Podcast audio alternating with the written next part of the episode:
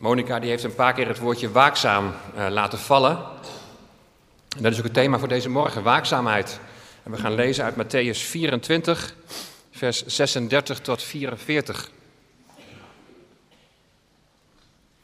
Ik spreek even door deze microfoon omdat mijn hoester nog niet helemaal over is. Dus anders laat ik jullie zo hard schrikken.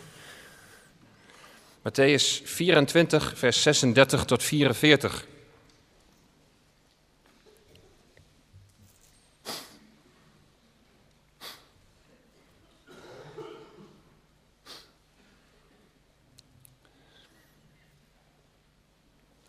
We gaan eerst bidden. Trouwe Vader in de hemel, we danken u voor uw woord en we danken u dat u door uw woord tot ons spreekt. We hebben het net gehoord. Heer, zo bidden we ook deze morgen dat u door uw woord heen tot onze harten zult spreken. Dat we diep in ons hart aangeraakt mogen worden door uw liefde, door uw genade, door uw trouw, door alles wat u bent. En dat we samen uit mogen zien naar het moment dat u zult komen. Heer, want daar zullen we over gaan lezen. En, we bidden, Heer, bewaar ons dicht aan uw vaderhart, Heer. En dat uw woord tot het diepst van ons hart ons mag raken. En dat we een ontmoeting met u mogen hebben deze morgen. In Jezus' naam. Amen.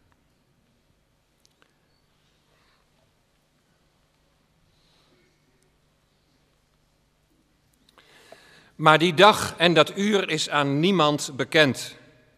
Ook aan de engelen in de hemel niet, maar alleen aan mijn Vader. Zoals de dagen van Noach waren, zo zal de komst van de zoon des mensen zijn.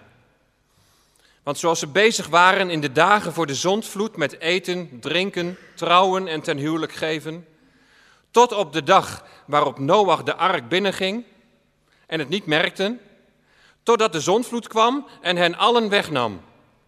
Zo zal ook de komst van de zoon des mensen zijn. Dan zullen er twee op de akker zijn, de een zal aangenomen en de ander zal achtergelaten worden. Er zullen twee vrouwen malen met de molen, de een zal aangenomen en de ander zal achtergelaten worden. Wees dan waakzaam, want u weet niet op welk moment uw Heere komen zal.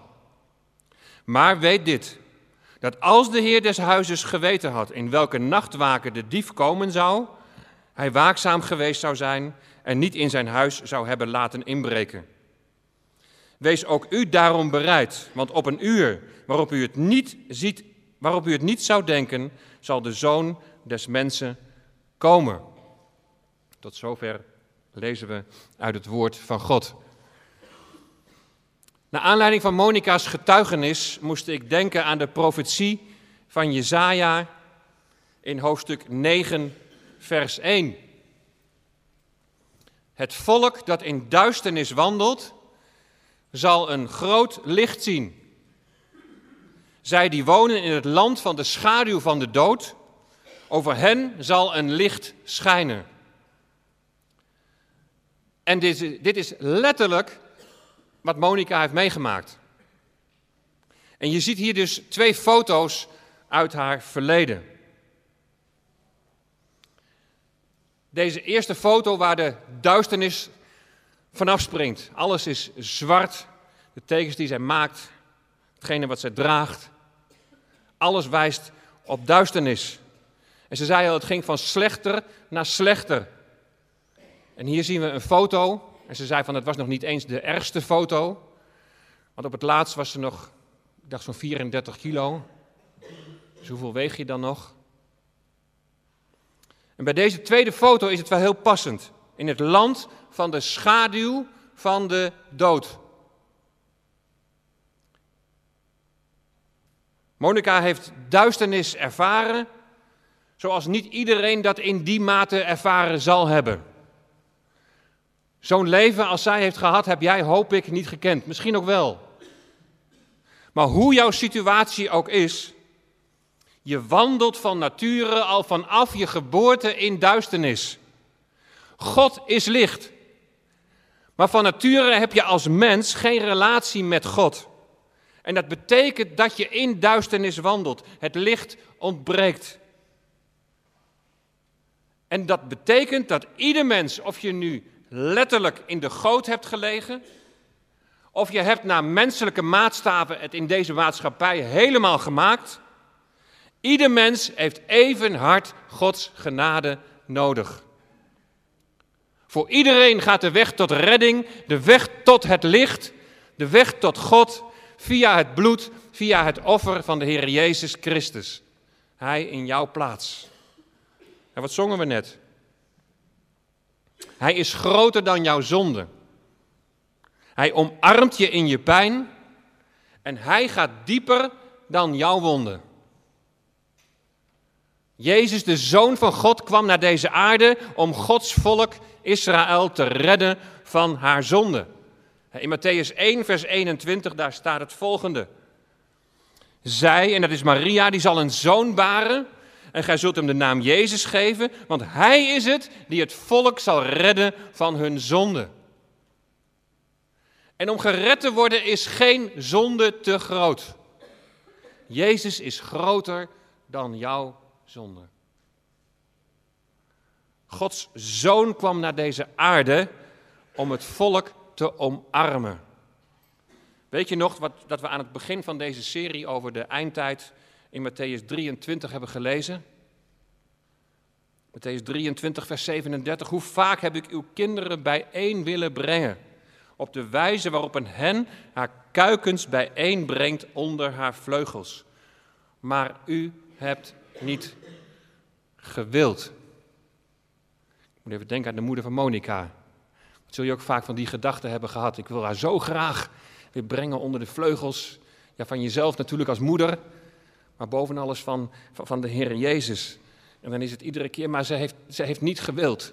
Totdat. Hoe lang duurt het nog totdat jij komt?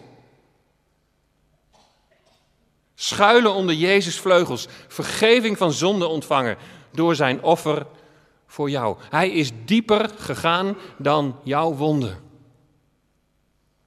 We hebben de afgelopen weken steeds Matthäus 24 gelezen. Jezus is in gesprek met zijn leerlingen en dan is het bijna zover dat Jezus zal worden gekruisigd. En Jezus die loopt met zijn discipelen loopt die richting de Olijfberg en wijst dan nog op de tempel. Het is ongeveer plus minus 32 na Christus. Geen steen zal op de andere steen blijven, zegt Jezus.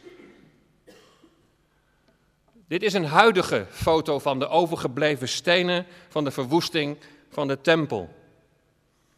Als je ze graag in het echt wil zien, kun je nog opgeven voor oktober.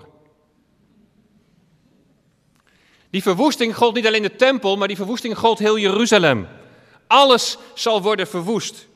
Waar heeft hij het over, denken de discipelen? Heer, wanneer zal dit allemaal gebeuren? Dit is niet wat ze verwachten. Vandaar de vraag: wat is het teken van uw komst? Wat is het teken van uw parousia? Dat betekent, wat is het teken van uw koninklijke tegenwoordigheid in Jeruzalem?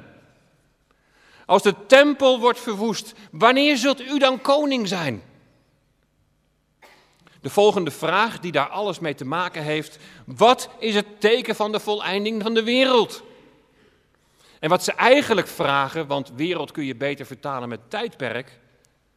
Wat, wanneer zal het tijdperk dat de wereld onder het beslag, onder de invloed van de boze is, wanneer zal dat voorbij zijn? Met herinnering aan Jezaja's profetie. Zou je kunnen zeggen, wanneer zal het licht opgaan? Wanneer zal de duisternis verdreven worden? En ze stellen deze vragen omdat ze er niets van snappen dat Jeruzalem en de tempel zullen worden verwoest. Hoe zal de Messias dan koning zijn? Hoezo een vrederijk als het geestelijk centrum, de tempel, met de grond gelijk gemaakt wordt? Er zal eerst nog een hele moeilijke tijd van strijd komen, vertelt Jezus aan zijn leerlingen. En Jezus vertelt over de tekenen van de tijd. De tekenen die deze moeilijke tijd, die die grote verdrukking aankondigen. En ze komen heel sterk overeen met de tekenen in Openbaring 6 en 7. Misleiders zullen komen in Jezus' naam, oorlogen en geruchten van oorlogen, hongersnoden, besmettelijke ziekten, aardbevingen, wetteloosheid, de liefde zal verkillen. Maar zegt Jezus, dat is nog maar het begin, het begin van de weeën. Als je openbaring 6 en 7 erbij trekt, dan is het goed mogelijk dat, dat 144.000 Joodse gezalfden, 12.000 uit iedere stam, dat die de hele wereld over zullen gaan om het evangelie te verkondigen. En zo wordt het evangelie over de hele wereld gepredikt. En dan zal het einde komen. Dan zal er nog een grote schare tot geloof komen, zoals je kunt lezen in Openbaring 7. Ze komen uit de grote verdrukking. Ze zijn gereinigd door het bloed van het lam, de Heer Jezus Christus. Een grote verdrukking over de hele wereld. Het is een tijd van Gods toren. Een laatste tijd om de mensen wakker te schudden. Om zich tot Hem te keren. Een eindoffensief om zijn volk te redden. En dan aan het eind van die verdrukking de wederkomst.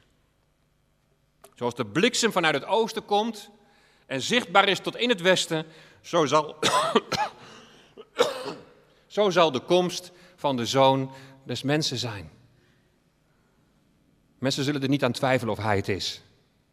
Het zal overduidelijk zijn wanneer hij komt. En zijn volk, het volk Israël, zal uit alle delen van de aarde naar het beloofde land worden gebracht. De vijgenboom, die beeld staat voor Israël, zal tot bloei komen. Dat betekent, het volk zal geestelijk herstellen. We zien nu al wel een nationaal herstel.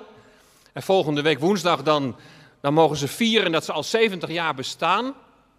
Maar er zal nog een geestelijk herstel komen van het volk, zoals Ezekiel dat profeteerde over die dorre doodsbeenderen.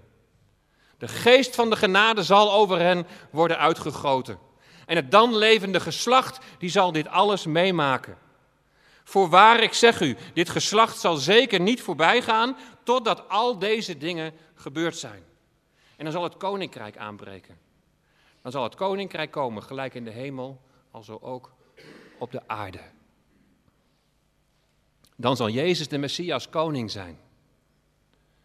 Zo even een korte samenvatting van de voorgaande overdenkingen over de eindtijd naar aanleiding van Matthäus 24. Wat je heel goed moet onthouden als je de evangelie leest, Matthäus, Marcus, Lucas, Johannes, is dat het nieuwe verbond in het bloed van de Heer Jezus voor de kruisiging en de opstanding nog niet is aangebroken. Dus het volk leeft nog onder de wet als Jezus rondgaat in Israël en zijn boodschap verkondigt. Het is, op dat moment is het nog een geheimenis dat gelovigen uit de Joden en gelovigen uit de heidenen in Christus een nieuwe schepping zullen worden. In die zin is de gemeente dus nog, nog, een, nog een geheimenis. Waar het in de evangeliën om draait, is dat Jezus het koninkrijk aankondigt. Een messiaans vrederijk. En de vraag in de evangeliën aan in eerste instantie Jezus' broeders, de Joden, is: hoe komen jullie binnen in dat koninkrijk? Hoe krijg je toegang? Alle gelijkenissen bijvoorbeeld die gaan over die vraag. Hoe komen ze het koninkrijk binnen? En wanneer zal dan dat koninkrijk aanbreken?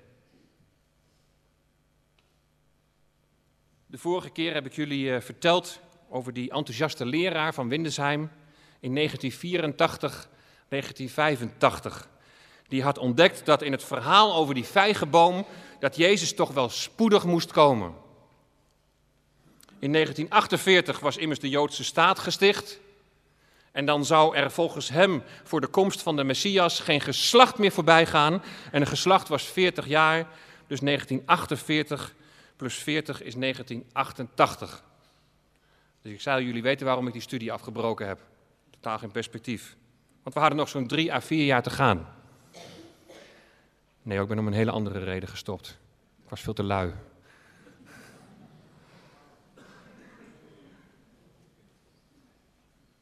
Een kenmerk van de eindtijd hebben we eerder gezien. En dat is dat Gods volk zal terugkeren. Hij zal ze bijeen vergaderen, zoals een hen haar kuikens bijeen vergadert.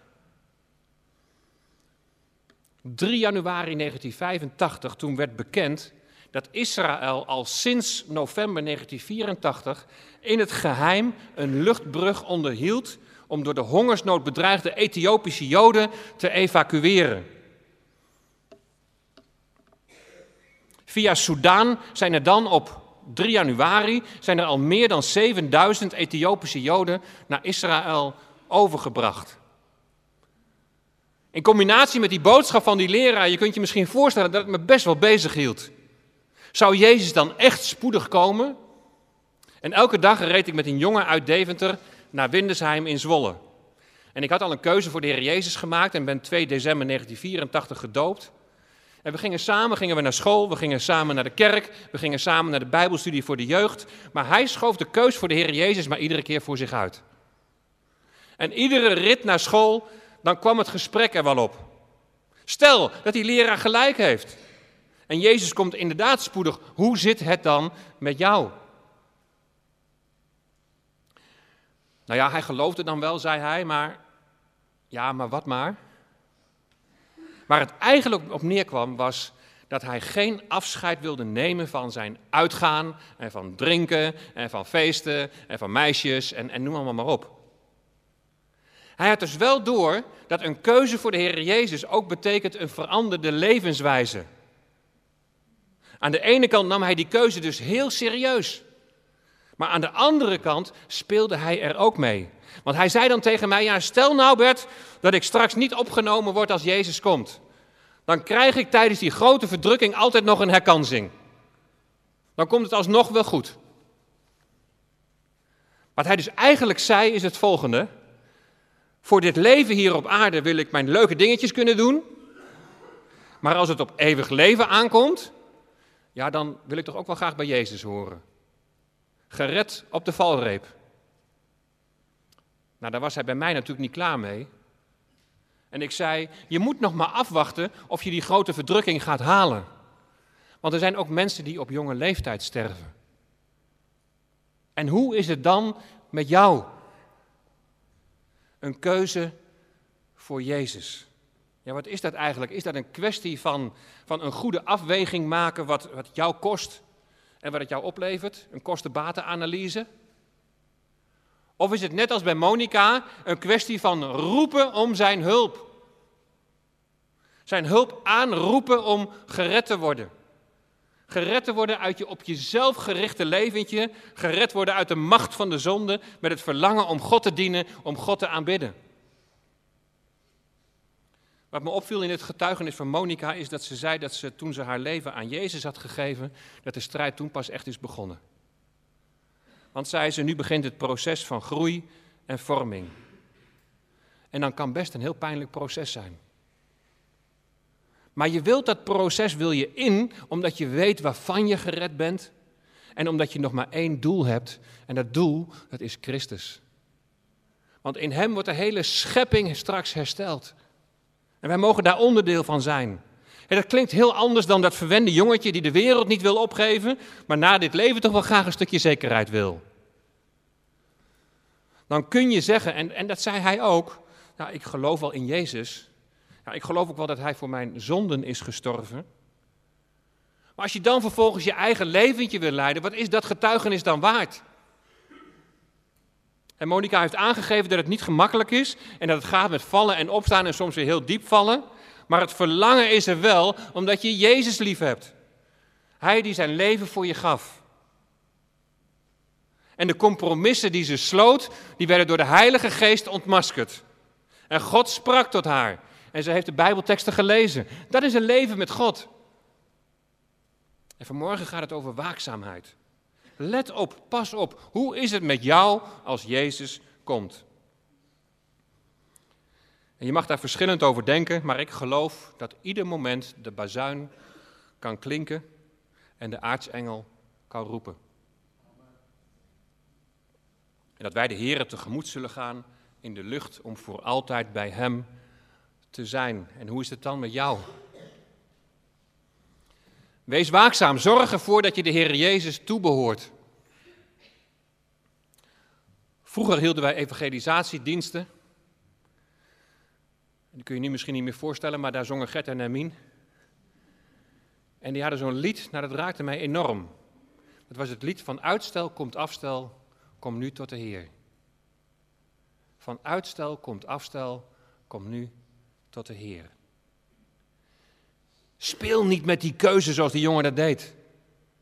Maar roep om hulp en laat je redden uit je zonde door geloof in de Heer Jezus. En wat we net hebben gelezen, dat gaat over dat moment daarna. Dat gaat over de overgang van die grote verdrukking naar het koninkrijk. Het messiaanse vrederijk tijdens de wederkomst van de Heer Jezus. Waar het dus over gaat in de evangeliën is de vraag, de vraag aan Gods volk, hoe kom je nou in dat koninkrijk? En wanneer zal dat koninkrijk dan aanbreken? En over dat hoe is Jezus heel duidelijk geweest naar Nicodemus. Tenzij je wederom geboren bent, zul je het koninkrijk van God niet zien, zei Jezus tegen Nicodemus. Wedergeboorte is dus voorwaarde. Voorwaarde om in te gaan in dat koninkrijk. Ook aan het einde van die grote verdrukking, als de Heer Jezus komt en het koninkrijk aanbreekt, voorwaarde is wedergeboorte. En daarom is het zo belangrijk dat op dat moment ook de geest en genade over het volk wordt uitgegoten. En ze mogen zien die, die, die doorstoken werd aan het kruis van Golgotha. Dat ze hem mogen herkennen en erkennen. En wanneer zal dan het koninkrijk aanbreken? Over dat tijdstip hebben we net gelezen. En er staat heel duidelijk in vers 36. Maar die dag en dat uur, dus het moment van Jezus' wederkomst, het aanbreken van het nieuwe koninkrijk, het vrederijk, dat is aan niemand bekend. Ook aan de engelen in de hemel niet, maar alleen aan mijn Vader. In Marcus 13 waar het over hetzelfde gaat, daar, daar staat het zelfs de zoon het niet weet. Dus het tijdstip, het tijdstip van het aanbreken van het koninkrijk en het geestelijk herstel van Israël, de wederkomst van de Heer Jezus, dat weten we niet. En kunnen we ook niet weten. Er wordt wel iets gezegd over de omstandigheden in die dagen.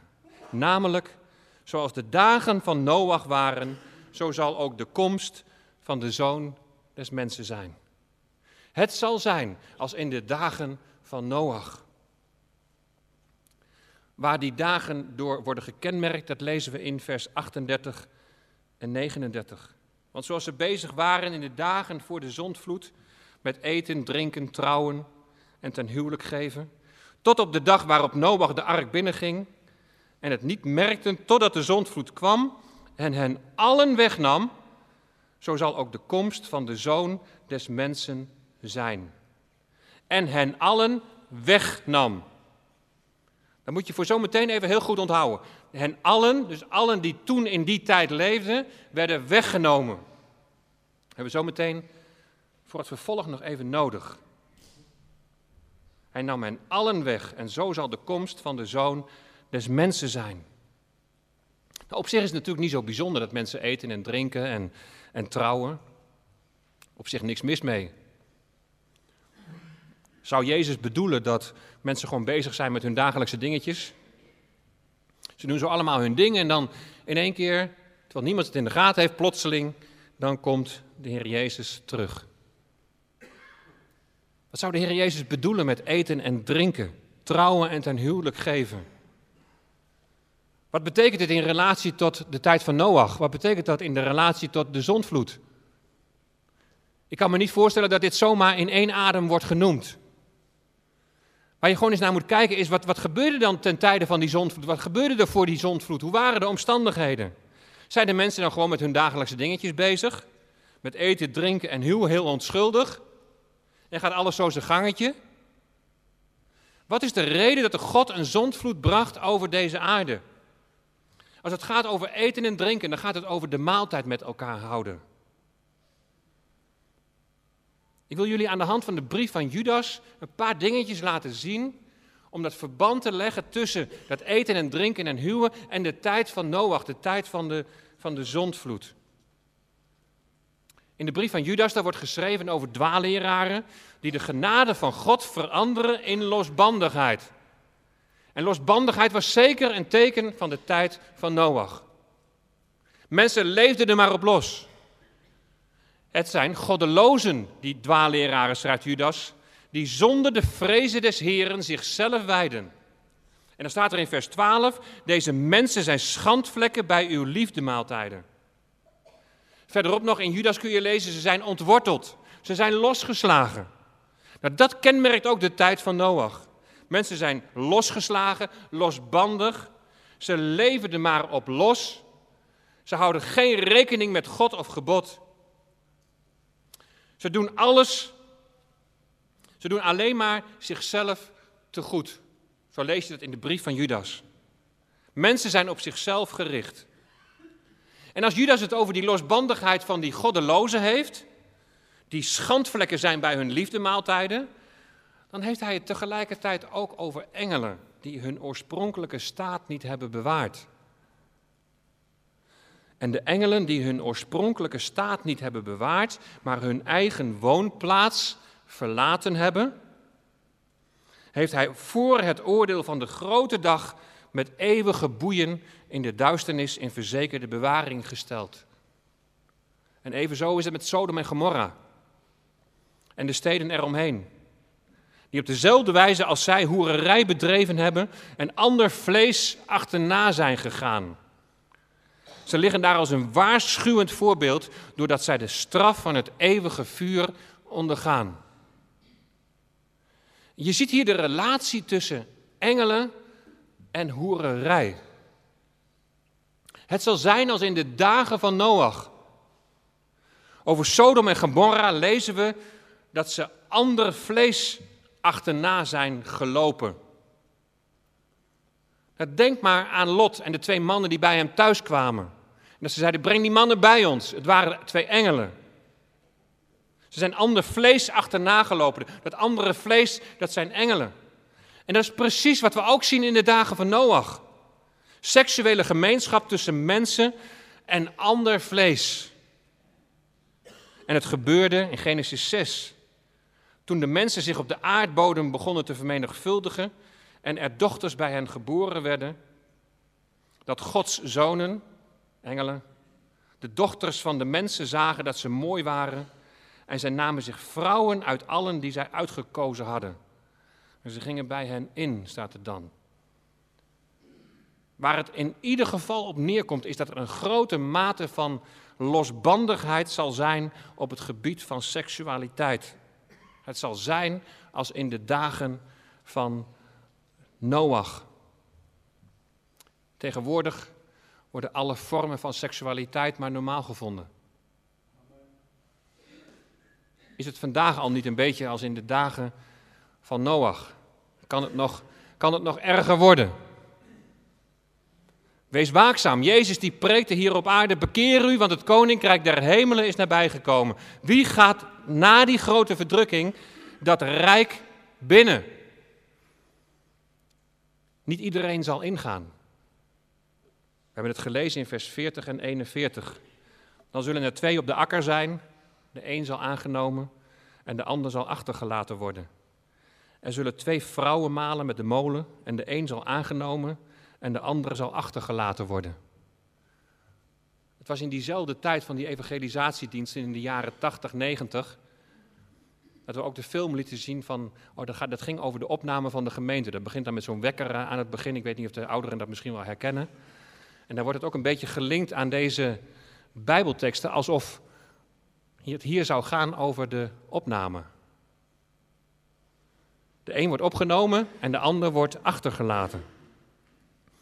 Maar dat is chronologisch in de volgorde van de tijd wel een beetje vreemd. We hebben net een grote verdrukking gehad, we hebben het over de wederkomst gehad, het herstel van Israël en dan, en dan, ineens, dan ineens nog even over de opname.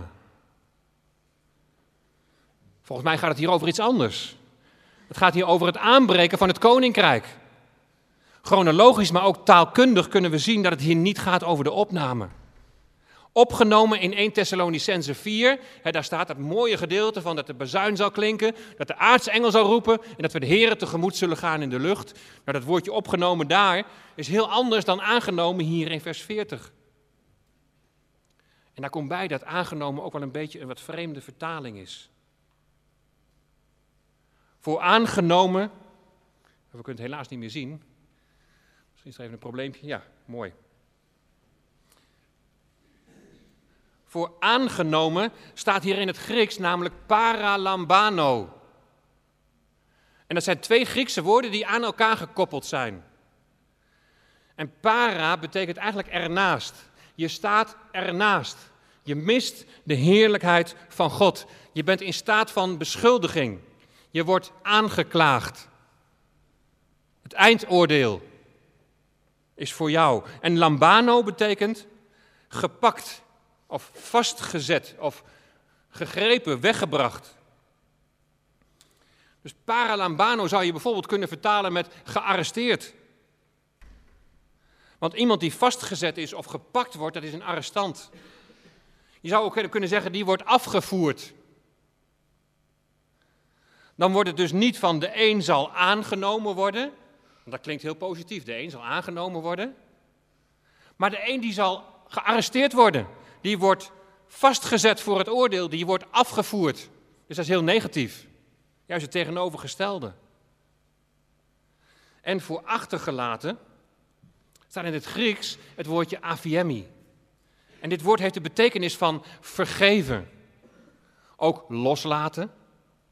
Mooi die combinatie hè, van vergeven en loslaten. Het is allebei dezelfde betekenis. Vergeven is loslaten.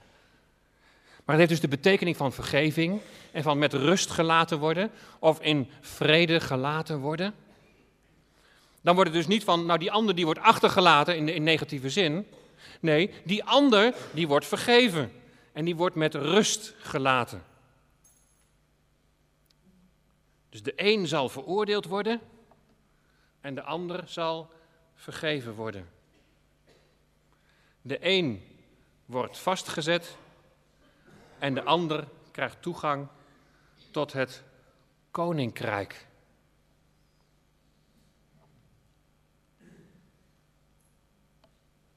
Wees dan waakzaam, want u weet niet op welk moment uw Heer komen zal. Maar weet dit, dat als de Heer des huizes geweten had in welke nachtwaken de dief komen zou, hij waakzaam geweest zou zijn en niet in zijn huis zou hebben laten inbreken. Als je van tevoren weet dat een dief bij jou gaat inbreken, dan ga je voorzorgsmaatregelen treffen. Dan ben je daarop voorbereid. Ben jij erop voorbereid dat het wat jou betreft niet zo ver hoeft te komen dat je wordt vastgezet, dat je wordt afgevoerd, omdat je nu al in Christus toegang hebt tot het koninkrijk door geloof in Hem. En als dat niet zo is, dan zou ik zeggen, speel daar niet mee. Maar laat je met God verzoenen door geloof in de Heer Jezus. Wees ook u daarom bereid. Want op een uur waarop u het niet zou denken, zal de Zoon des Mensen komen. Als je de Heer Jezus wel toebehoort, dan moet je dit toch raken. Dat als wij verenigd zijn met de Heer Jezus, en wij ook met Hem terug zullen komen, dat er dan eens een moment zal zijn dat Jezus zal oordelen. Het moet je toch raken dat er nog zoveel mensen om ons heen zijn die onder die toren van God leven en nog niet zijn gered. Het geloof is uit het horen. Van wie zullen ze het horen? Je mag tegen mensen zeggen, en, en ik wil vanmorgen tegen mensen zeggen die Jezus nog niet hebben aangenomen. Jezus is groter dan jouw zonde. Hij is daarvoor aan het kruis gegaan. Jezus omarmt je in je pijn. Kom tot mij, allen die vermoeid en belast zijn, en ik zal je rust geven, zegt Jezus. Hij gaat dieper dan jouw wonden. Er is geen grotere wond dan de zondelast van alle mensen op je schouders nemen. En dat is wat Jezus heeft gedaan. Hij heeft de overwinning behaald. Hij triomfeerde over zonde en dood. Dan gaan we zo meteen met elkaar zingen. Maar dan zingen we ook. En wij, uw kerk, verkondigen uw naam op aard. De gemeente, de kerk, dat ben jij. Dat zijn wij. Wij verkondigen de naam van Jezus hier op aard. En elke macht die troont in de hel, beeft bij het horen van uw heilige naam. O, de glorie van uw naam, de grootheid van uw naam. Niets is gelijk aan de almacht van uw naam. U bent Jezus, u bent Heer, u bent God. En als je dat nog niet kunt zeggen, dan zou ik zeggen, stel die keuze niet uit. En misschien heb je op dit moment wel iemand op je hart dat je zegt, ik moet er niet aan denken. Dat die voor dat moment komt te staan om afgevoerd te worden en veroordeeld te worden. Bid voor die persoon. Probeer een opening te vinden om dat machtige evangelie, dat wat jou ten diepste raakt, om dat te delen. En mensen te waarschuwen. Want er komt een moment dat de Heer zal komen en de een zal afgevoerd worden en de een die zal rijkelijk ingang krijgen. Wees ook u daarom bereid, want op een uur waarop u het niet zou denken, zal de zoon des mensen komen. Amen.